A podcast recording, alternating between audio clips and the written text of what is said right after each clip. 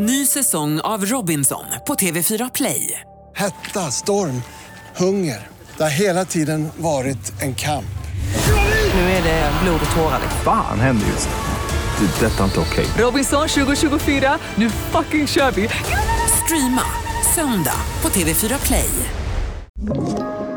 Podplay.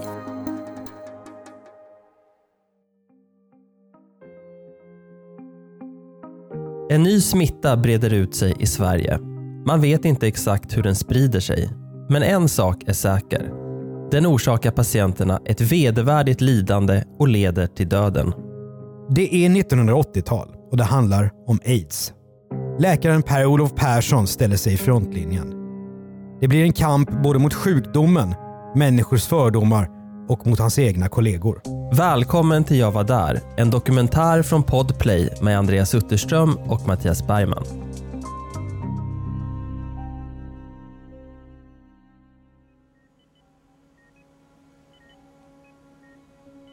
Jag tänker ju på den här första insikten om att det här skulle bli en stor sjukdom. Per-Olof Persson. Idag är han 75 år. Han minns när han var ung läkare i Stockholm i början av 80-talet. Jag tänker på eh, Roa som var den första patienten som jag mötte. Jag tänker på eh, Sixten som var den som var, eh, blev offentlig och som jag hade mest kontakt med. När Per-Olof ska välja specialisering som läkare tänker han sig att bli kirurg. Men händerna darrar för mycket när han ska operera. Då börjar han jobba inom psykiatrin istället. Men så fastnar han för någonting helt annat. Infektionssjukdomar. Och då tänkte jag att ja, men då får jag gå tillbaka eh, och där folk kan bli friska ganska lätt. och så blev det infektionssjukdomar. Inte undra på att Per-Olof skrattar lite ironiskt. Hans öde ska bli något helt annat än att enkelt bota patienter. Och det förstår han en dag 1981. Då stod jag på, eh, i biblioteket på Roslagstulls sjukhus, andra våningen i en gammal byggnad och läste i olika tidskrifter. Det fanns bland annat en litet, ett litet häfte som hette MMWR. Och där beskrevs i början av juni 1981 fem patienter från Kalifornien som hade insjuknat med en egendomlig lunginflammation. Jag har läst ju den här tidskriften regelbundet varenda vecka. Men på något sätt så slog det an en sträng i mig att det, där, det här är något viktigt. Eh, något som kommer att få stor betydelse. Jag känner, alltså jag känner, det var sådär och jag känner fortfarande eh, samma känsla av att i stort sett att håren på armarna reser sig när jag tänker på det. Alltså det är eh, det var en...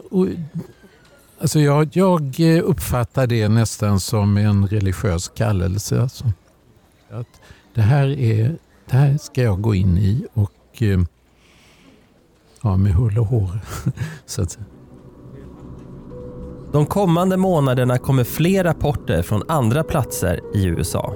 Patienterna hade det gemensamt att de hade en, en immundefekt som sedan kommer att kallas för, så småningom kommer att kallas för aids.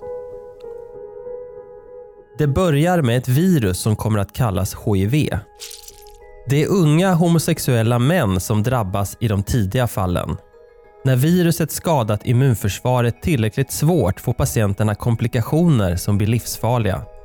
De dör i lunginflammationer, vissa tumörsjukdomar eller svampinfektioner. På slutet är de som levande skelett med insjunkna ögon och hudfläckar. De tynar bort. Per-Olof och några få kollegor som har fått upp ögonen för HIV börjar undersöka om det finns några tecken på att smittan har nått Stockholm. Som jag minns det så talade man ju inte särskilt mycket om homosexualitet. Det var ju gömt. Alltså. Det var ju ingen... Ja, de fick väl kanske sköta sig själv och, och, och skulle helst inte synas. Jag, var ju, jag är född 1978 men jag minns ju att man, som du sa, man pratade inte om det här och jag minns att många tyckte att det var ganska konstigt och rent av äckligt. Men det låter inte som du tillhörde de som tyckte att det här var ganska frånstötande med homosexuella män. Nej, jag hade nog mera en eh, neutral inställning. Alltså jag kan inte säga att det var något... Eh, jag är själv inte attraherad av män på det sättet. Eh, och Men jag har absolut inte haft något negativt mot en, ja, vare sig män som älskar män eller kvinnor som älskar kvinnor eller både och eller tvärtom eller någonting. I december 1982 är Per-Olof på sitt jobb på Roslagstulls sjukhus i Stockholm där han vickar som underläkare. Så då råkade jag vara där och tillsammans med en eh, sköterska som heter Kettu Sturesson. Och, och då kommer han in eh, på rummet som jag sitter på, på akutmottagningen där på Roslagstulls sjukhus. En ganska smal kille med eh, en eh, stor eh, bullig jacka och som han har på sig inne i undersökningsrummet faktiskt. Och Det har väl en viss betydelse för han var säkert väldigt frusen. Alltså. Detta är Roar. Han är servitör på det nystartade Café Opera och han jobbar mycket hårt. Och så jag, gjorde jag som man brukar göra, fråga varför eh, han sökte och då berättade han att han kände känner sig trött och är hostig och eh, har gått ner i vikt. Men, säger han, att eh, min chef eller den, min arbetskamrat vill att jag ska undersöka mig. Och eh, då eh, jag undersökte honom först då, den här eftermiddagen och så tog vi en del prover. Eh, och Sen kom han tillbaka ganska snabbt efter det och, och, och det visade sig att det var ju, han hade ju väldigt avvikande värden på många eh, prover som togs och hade ju feber och så också. Och Då gjorde jag en anteckning i journalen att eh, det här är antagligen vad som i USA beskrivits som eh, eh aids. Roar kommer aldrig att testas för HIV och aids. Men det är det han har och som han kommer att dö av. Per-Olof ringer nu statsepidemiologen och meddelar aids kommer att komma hit. Men det blir inte populärt i läkarkåren att intressera sig för den nya sjukdomen. Ny säsong av Robinson på TV4 Play. Hetta, storm, hunger. Det har hela tiden varit en kamp. Nu är det blod och tårar. Fan händer just nu. Det. är Detta är inte okej. Robinson 2024, nu fucking kör vi! Streama söndag på TV4 Play. Ett poddtips från Podplay. I podden Något Kaiko garanterar östgötarna Brutti och jag, Davva, dig en stor dos skratt. Där följer jag pladask för köttätandet igen. Man är lite som en jävla vampyr. Man har fått lite blodsmak och då måste man ha mer. Udda spaningar, fängslande anekdoter och en och annan arg rant. Jag måste ha mitt kaffe på morgonen för annars är jag ingen trevlig människa. Då är du ingen trevlig människa, punkt. Något Kaiko, hör du på podplay. Därför är gardinerna. Det var som jag sa, vi var bara tre från början och eh, eh, vi fick syssla med det här på, på nästan utanför en ordinarie mottagningstid på Roslagstulls sjukhus. Ehm, och det var alltså bland kollegorna där i början så tyckte de väl att ja, det där ehm, det är väl bra att ni håller på med det här men vi vill inte bli inblandade i det hela utan eh, eh sköt, sköt ni ert så sköter vi vårt. Eller ett par av våra chefer som tyckte väl att ja, de här får ju skylla sig själva i stort sett. Eh, Så det var eh, inte så kul att höra det eh, från, från vissa kollegor. Då. Nej, men hur reagerade du när du fick den typen av kommentarer från kollegor som man kan tycka borde veta bättre? Jag eh, tog väl ännu mer hand om patienterna. Jag la ner ännu mer kraft på att be behandla dem på samma sätt som alla andra patienter.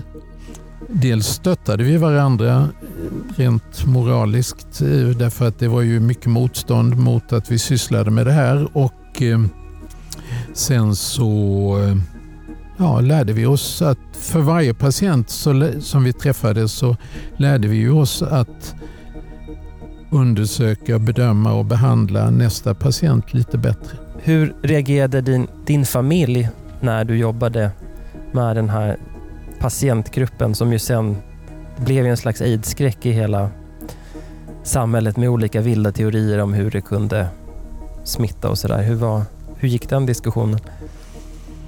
Jag tror aldrig vi diskuterade det egentligen utan det, var, det blev så självklart att jag skulle syssla med det här. Alltså, så att eh, um, Det var inget... Nej, vi, vi, vi, ehm, vi talade inte om det utan jag berättade väl... Jag har aldrig talat särskilt mycket om mitt jobb hemma. Fallen blir fler. Det visar sig att det inte alls bara är homosexuella som kan få HIV. Heterosexuella missbrukare insjuknar nu. Och missbrukande kvinnors foster kan få viruset från mamman. Att viruset överförs mellan människor vid sex och via blodet verkar tydligt. Men exakt hur det sprids är först inte heller säkert. Kan det rent av vara luftburet? Nej, jag visste inte det men jag behandlade alla precis på samma sätt som alla andra patienter. Så jag eh, var inte, jag, ja, nej, jag var inte extra försiktig och, eh, utan jag använde handskar när man sysslade med blod. Var du rädd för att bli smittad? Nej, jag var aldrig rädd för att bli smittad faktiskt. Och så hade man munskydd ibland när man gjorde ingrepp där det kunde stänka upp i ansiktet och så. Men, eh, men inte någonting annat.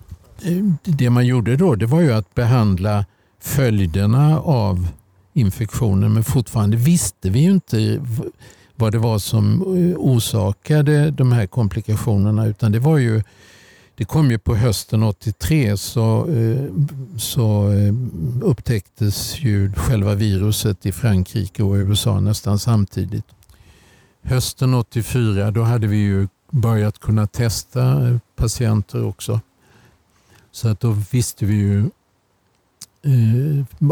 då, hade man ju väldigt många fler i olika skeden av sjukdomen, olika stadier av sjukdomen. Per-Olof fortsätter att vårda Roar Klingenberg.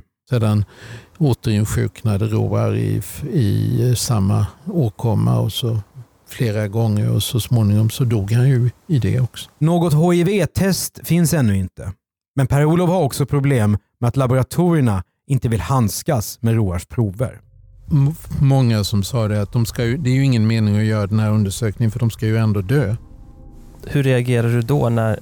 Jag tyckte det var rätt vidrigt. Det där är ju... Ja, jag vet inte vad man ska säga om det, men det var ju, var ju så inhumant så att... Eh, eh, jag tror inte, alltså jag gick väl aldrig i strid med de som sa det utan vi gjorde så gott vi kunde faktiskt. Alltså det, det, därför att det var ju det var ju högt uppsatta människor inom, det var ju chefer på de här, vi försökte ju påverka laboratorierna att göra de här undersökningarna men det var cheferna där, de bestämde ju att nej det där ska vi inte göra för vi är rädda för att få in smittan på laboratorierna och så. Och, så. och eh, jag var en vikarierande underläkare på Roslagstull på den tiden och hade inte den pondusen så att det gick att förändra den inställningen. Och sen, sen, för jag visste ju det, jag hade ju det med mig på något sätt att det här, det här är ju något vik, viktigt. Alltså det, de missar någonting de här eh, kollegorna som, som inte är med på tåget så att säga. För det här är, är, det är så viktigt för samhället och för infektionssjukvården så att det är bara synd att de inte vill vara med. Roar Klingenberg dör den 21 september 1984. Förstod du att han skulle dö? Nej, det gjorde jag nog inte från början. Ehm, Jag hade ju... Jag hoppades ju att inte han skulle dö. Han, var ju en väldigt, han blev ju en väldigt betydelsefull person för eftersom han var, var den första som jag såg. och så blev han ju ganska bra, eller tillfrisknade ju till att börja med. Och jag hade väl förhoppningar som med alla andra eh, infektionssjukdomar att man skulle kunna tillfriskna. Men sen när han eh, blev sjuk kanske tredje gången då förstod jag ju att det var bara eh, att att han inte skulle klara sig. Minnet av honom kom att färga väldigt mycket av eh, hur jag såg på andra patienter i framtiden. De första svenska fallen har lett till döden och först nu kommer svenskarna att börja prata om den här nya sjukdomen. Det exploderade ju på något sätt 84, 85. Allt. Samhället började fatta vad det här handlade om. Så här lät det i Sveriges Television. Idag den 14 maj har 22 människor drabbats av aids. Dödssiffran har stigit till 11. Ytterligare 10 patienter finns på sjukhus och behandlas för förstadier till aids. I mitten av 80-talet har Sverige drabbats av fullskalig aids-skräck. Ärkebiskopen råder homosexuella män att avstå från sex och istället leva i vänskapsrelationer.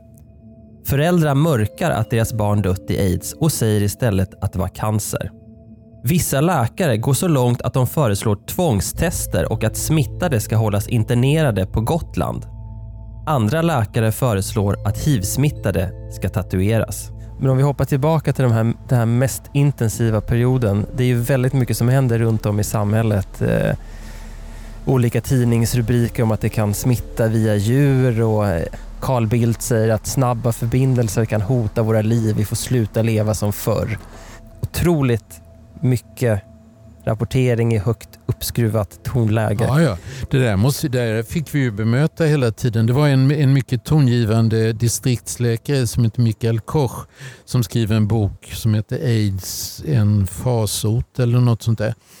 Som eh, var statistiker också och som eh, då när antalet fall ökade så drog han ut kurvorna för att kunna visa att vid ett visst tidpunkt var i stort sett hela Sveriges befolkning smittad eller en stor del av Sveriges befolkning smittad. Och det där tog väldigt många till sig, hans eh, alarmistiska eh, kurvor. Eh, så det fick man ju hela tiden gå ut och bemöta. Att man ville isolera alla som var hiv-infekterade, i stort sett låsa in dem. Vi hade en smittskyddsläkare i Stockholm då som var som, som egentligen ville stänga in alla hiv-infekterade. För det fanns ju de här krafterna som, som eh, såg de mest utsatta grupperna som att, de var själv, att, det, att alltihopa var självförvållat och eh, det var lika bra att låta dem dö. Så småningom så, så uppdagades det ju att eh, den här smittan förekom i, mer i andra länder än i Sverige, bland annat i afrikanska länder. Och då var det ju då kom ju en stark rasism in i den här debatten också. Att alla flyktingar skulle stängas in och eh, de skulle inte smitta vita svenska flickor och sådär. Så stigmat, eh, skammen, förnekandet var mycket, mycket större bland de som är eh, invandrare smittade i Afrika. Det var mycket, mycket svårare för dem att eh, leva med HIV och eh, berätta för sina släktingar och sina anhöriga. Men det är en sak om det här lås in dem-tänket kommer från lekmän. Nu kommer det faktiskt från kollegor till dig. Vad, vad tänker du om det när du hör vad de har att säga? Jag, tänker, jag förvånar mig inte att det finns kollegor som är, är öppet rasistiska. Eh, det fanns kollegor som var öppet rasistiska då. Det finns de kollegor som är öppet rasistiska nu också. Det är rätt svårt att ändra andra människors eh, åsikter. Aids börjar kallas bögpest i folkmun. Smittan reser murar mellan människor. En prognos från Världshälsoorganisationen 1988 säger att mellan 50 och 100 miljoner människor i världen kommer att vara smittade år 2000. Per-Olof Persson tycker att det var värre att ge en patient beskedet om smittan än att sedan se dem dö. Hur många patienter tror du mellan tummen och pekfingret att du har träffat och behövt berätta för dem att de är smittade? Kanske 500. Mm. Hur fungerar ett sådant samtal?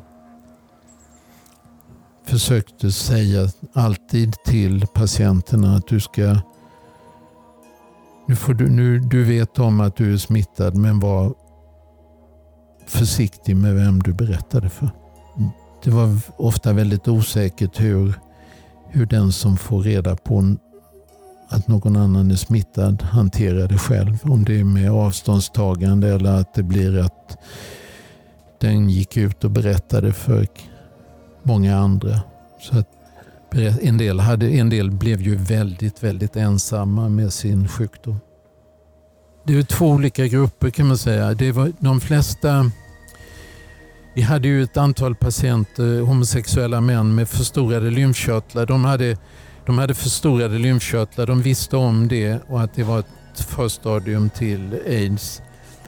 Och så testas de i efterhand om de var HIV-infekterade eller ej när det testet hade kommit. Så det var ju, då var det en bekräftelse på något som de redan i stort sett visste om. Då.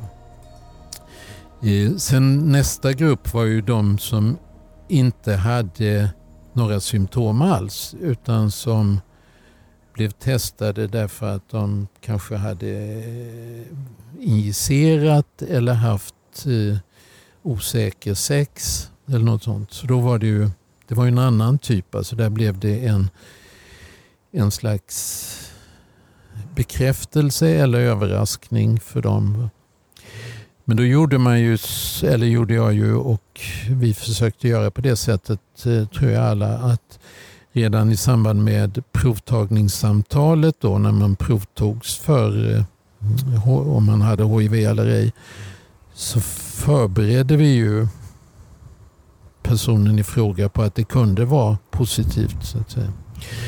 Eh, och försökte fråga då om om det nu är så att det här visar sig att du har HIV, vad, vad kommer du att göra då? Och hur, hur, kommer du att ställa dig till det? Och har du någon som du kan tala med och sådana saker? För att det inte skulle vara helt eh, eh bara komma från luften. Vilka olika typer av reaktioner kunde du få när du berättade det här för någon som var smittad? Ja, det kunde ju vara allt från total förnekelse att det kan, det kan inte vara riktigt, det måste vara fel. Eh, du får, eh, du får, man, du får ta om det här. Eh, sen kunde det vara de som blev ja, som blev vansinnigt ledsna, deprimerade. Några som blev aggressiva och det fanns de som, som bestämde sig eller sa att de skulle, det här, jag kommer att ta livet av mig och så. Flera begår självmord och missbrukare tar medvetna överdoser. Varje patient kräver ett eget förhållningssätt. Skammen är mycket stor och familjerna lämnas ofta utanför.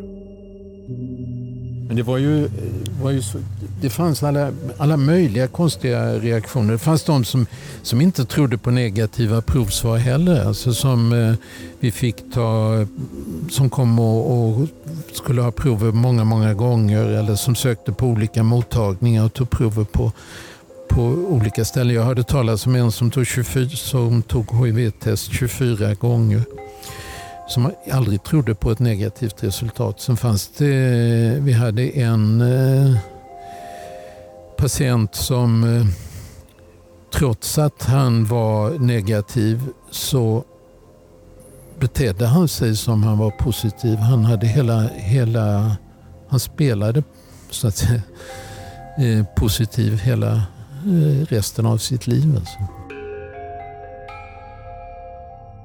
Per-Olof Persson och hans kollegor som arbetar med hiv-patienter är nu ganska många. Kuratorer, psykologer, präster och dietister sluter upp i team för patienterna. Det bästa för patienterna är att, är att de är, är på en specialavdelning med speciellt utbildad personal. En egen vårdavdelning för slutenvård ställs i ordning. På OBS C, som den heter, läggs man in för att dö isolerad och ensam. Det är ju ett rum som har två ingångar. En, en ingång där personalen går in i, där patienten finns. Så är det en sluss då. Alltså det, först en dörr som man går igenom och så finns det en sluss där man tvättar sig och eventuellt eh, tar på skyddsrock eller munskydd eller skydd för håret eller något sånt. Och Sen öppnar man en dörr till och då kommer man in i, i det rummet där patienten vistas. Och Sen finns det i andra änden av rummet så finns det en dörr ut som eh, besökare kan komma in på.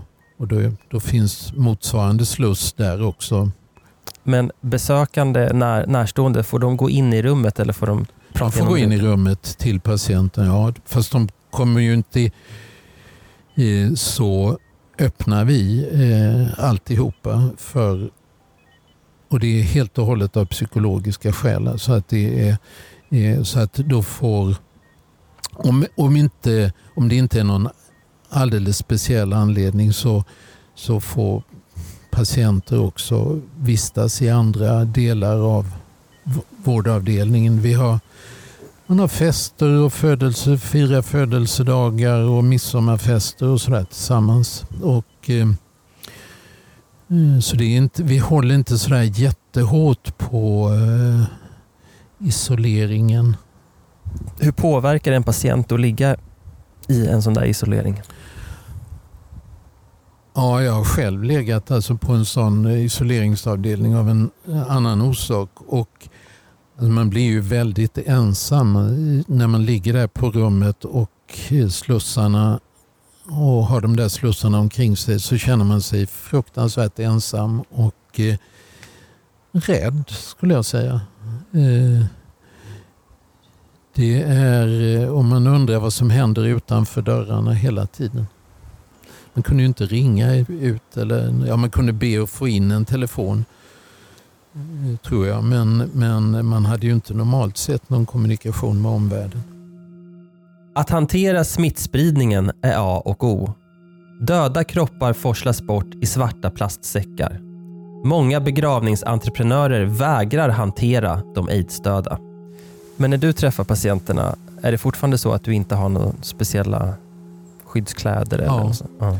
Jag, har bara, jag har fortfarande bara på mig handskar när jag sysslar med blod och munskydd. Eh, och I vissa fall eh, sådana här plastvisir som har blivit aktuella nu med corona också.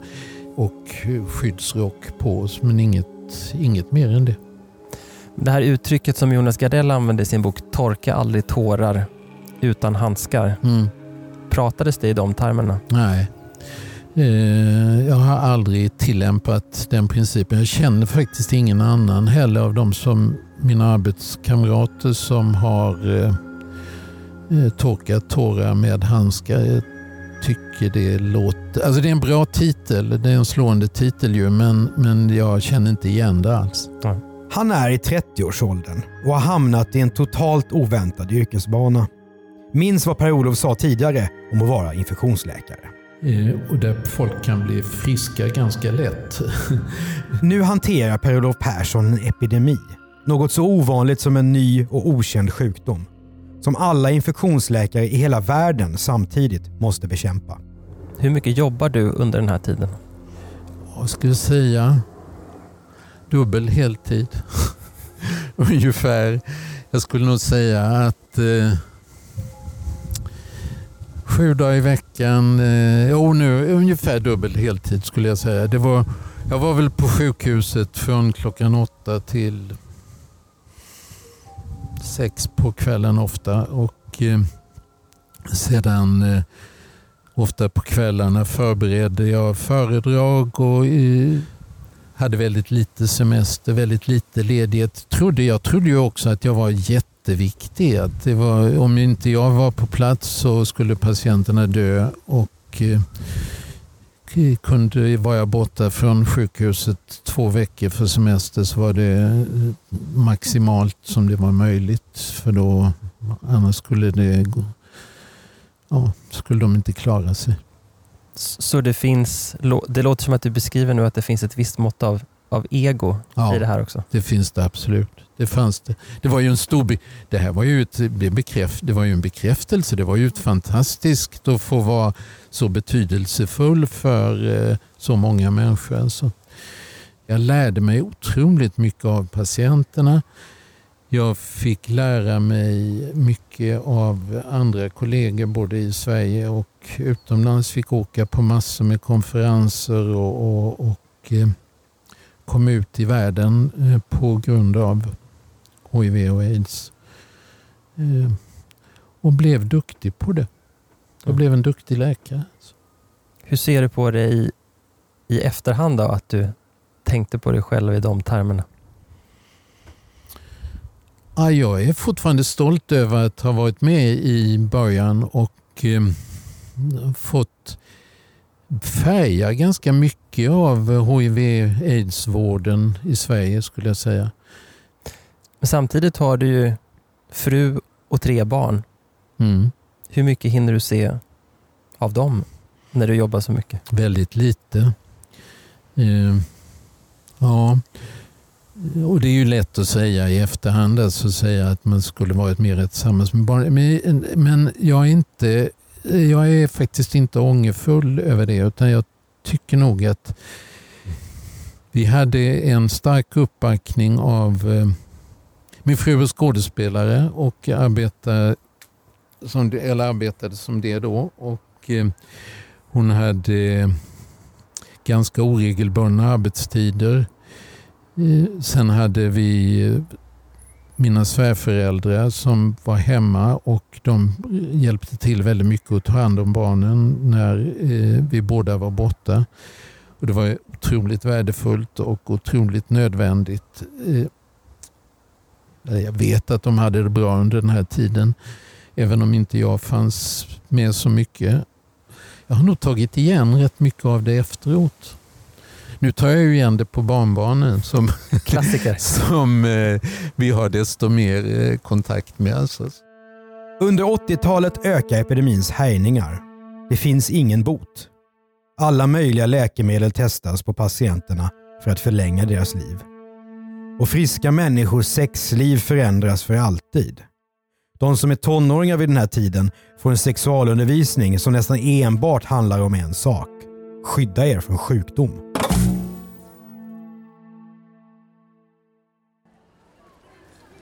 Det, det var ju massor med informationskampanjer. Jag vet inte. Eh, jag kommer att tänka på de här. Man, Bengt eh, har varit ihop med eh, eh, Ingela och Ingela har varit ihop med Erik och Erik med, med Oskar och Oskar med Peter och Peter med eh, Birgitta och sådana här saker.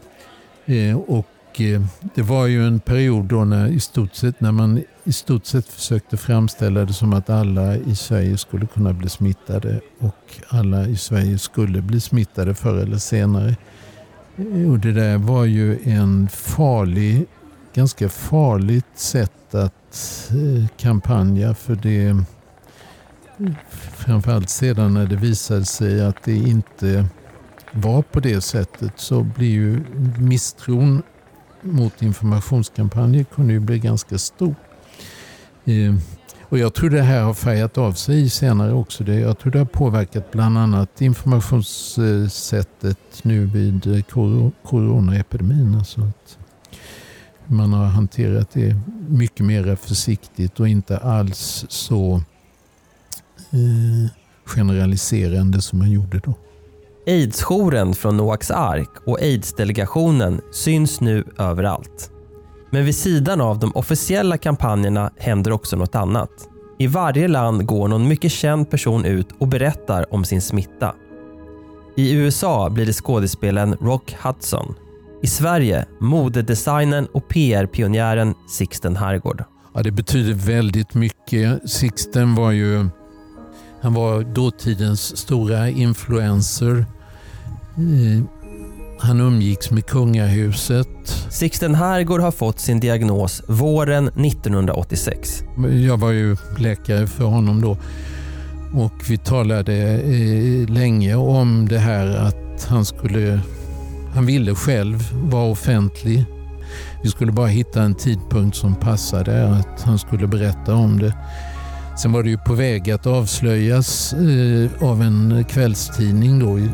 Och för att förekomma det så bestämde vi oss att, tillsammans att han skulle gå ut i svensk TV. I SVTs Aktuellt den 29 juli 1987 sitter Sixten Herrgård framför ett stort uppbåd av journalister. Bredvid honom sitter Per-Olof Persson.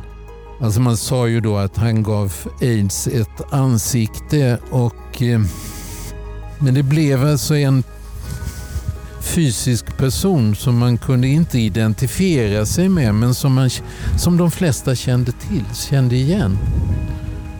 Jag ser honom nog inte som Sixten Herrgård utan jag ser honom mera, mera som en modig patient faktiskt eh, som vågar berätta om det här och sedan att han sedan är så känd det gör att vi får en bekräftelse på vår verksamhet och att med andra HIV-smittade. Det, det här kan komma att förändra synen på HIV. Sixten Herrgård intervjuas i Aktuellt. Nu sitter du här framför en tv-kamera och det är inte så anonymt. Varför sitter du här? När jag insåg att jag var sjuk och att eh, det var begränsad tid kvar så tog jag faktiskt beslutet själv. Så det är ingenting som någon har påverkat mig utan jag hade långa och givande samtal med läkarna som jag då hade hand om mig och diskuterade igenom ämnet grundligt innan vi bestämde oss. Han var en influencer för mode och trender. Nu är han en portalfigur för en dödlig sjukdom. Sixten Herrgård är långt ifrån en utsatt gömd minoritetsperson eller missbrukare. Så här lät det i en kampanjfilm som Sixten Herrgård gjorde för aidsjouren. Det går rätt många Sixten-historier just nu. Har ni hört den här till exempel? Vet ni varför Sixten alltid är så finklädd? Jo, det är för att han snart ska gå bort. Det vi är rädda för, det skämtar vi om. Ta reda på fakta istället. Ring aidsjouren så får ni veta. Ända in i det sista använder Sixten Heigård sitt inflytande och vänder på människors synsätt. Aids blir en samhällsfara som alla kan drabbas av. Läkare får mer resurser och fler av Per-Olof Perssons kollegor blir nu involverade. 1995 toppar kurvan över aids-döda i Sverige. Det året dör 130 personer. Jag var borta, för, jag ska säga så att jag var borta från, eh, i stor utsträckning från hiv-aids-vården mellan 1989 och 93. Eh, då dog väldigt många eh, under den perioden. Då var jag inte så involverad i det hela för att jag hade jobbat så hårt med HIV och aids då på 80-talet. Så jag måste, för att behålla min mentala hälsa på något sätt så var jag tvungen att göra ett avbrott. Men därefter vänder äntligen utvecklingen. 1996 kommer stoppmediciner som vänder virusets förlopp och hindrar det från att föröka sig. I västvärlden klingar aids-skräcken av. Man kan leva ett helt normalt liv under förutsättning att de fortsätter att ta medicinen regelbundet. Alltså. Det tog tio år att vända dödskurvan. Aids-epidemin fick svenskarna att visa känslor som förvånade och som inte alla skulle vara stolta över i efterhand. Nu blir livet återigen lite mer som förr, plus kondom. Och svenskarna kan se på HIV som ett särproblem för vissa grupper som afrikaner eller missbrukare. Idag kan en hiv-smittad svensk räkna med att leva lika länge som en icke-smittad. Men fyra av fem som bär på smittan har ändå inte berättat för sin familj om den. Skammen finns kvar. Och i andra delar av världen så ser det annorlunda ut. Ja, det är att bibehålla trycket på läkemedelsindustrin så att eh, man fortfarande ger eh, fattiga människor i fattiga länder tillgång till, till eh, modern behandling. Att inte se länder och individer som inte kan betala eh, det pris som, som läkemedelsindustrin tar ut i rika länder. Att även de andra ska få tillgång till behandling. År 2020 har totalt 30 miljoner människor dött i aids. 40 miljoner lever med sjukdomen som är en global pandemi. Per-Olof Persson lämnar arbetet med aids 2001. Nu är vården i Sverige professionell och det är inte alls lika spännande för honom längre. Fram till pensionen jobbar han för att aidsbehandling ute i världen ska bli bättre. Idag kan han se tillbaka på 20 års kamp vid frontlinjen i ett krig mot en osynlig fiende. Den där lilla artikeln från 1981 med den korta rubriken “Lunginflammation Los Angeles blev hans öde”. Men det är något annat som Per-Olof främst minns. Jag tänker på de, de här kvinnorna som eh, var så rädda för att eh, smitta sina barn och som gjorde att ja, de sista åren som jag arbetade med HIV så, så var det framförallt det jag kom att syssla med. Att eh, få människor att, bli, att förstå att tar du din medicin så är du inte smittsam för andra. Du kan leva ett sexuellt eh, aktivt liv och du kan faktiskt bli gravid och föda ett osmittat barn. Och det är kanske nästan det som jag är Ja, jag skulle säga det är nog det som jag är mest stolt över. Att jag, jag var med och fick ge par den möjligheten att bli par där, där den ena eller den andra parten, partnern var HIV-infekterad. Ge dem möjlighet att bli föräldrar.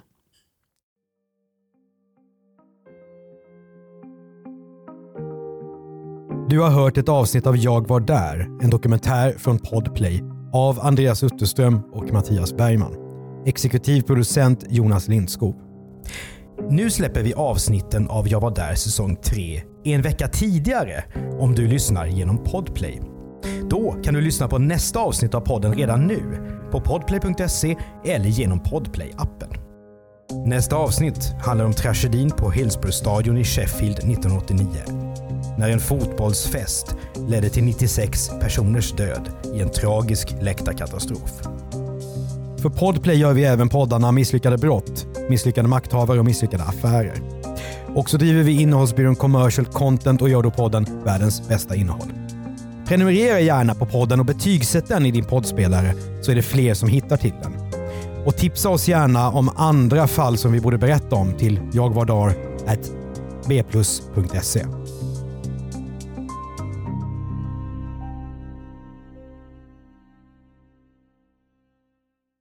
Ny säsong av Robinson på TV4 Play.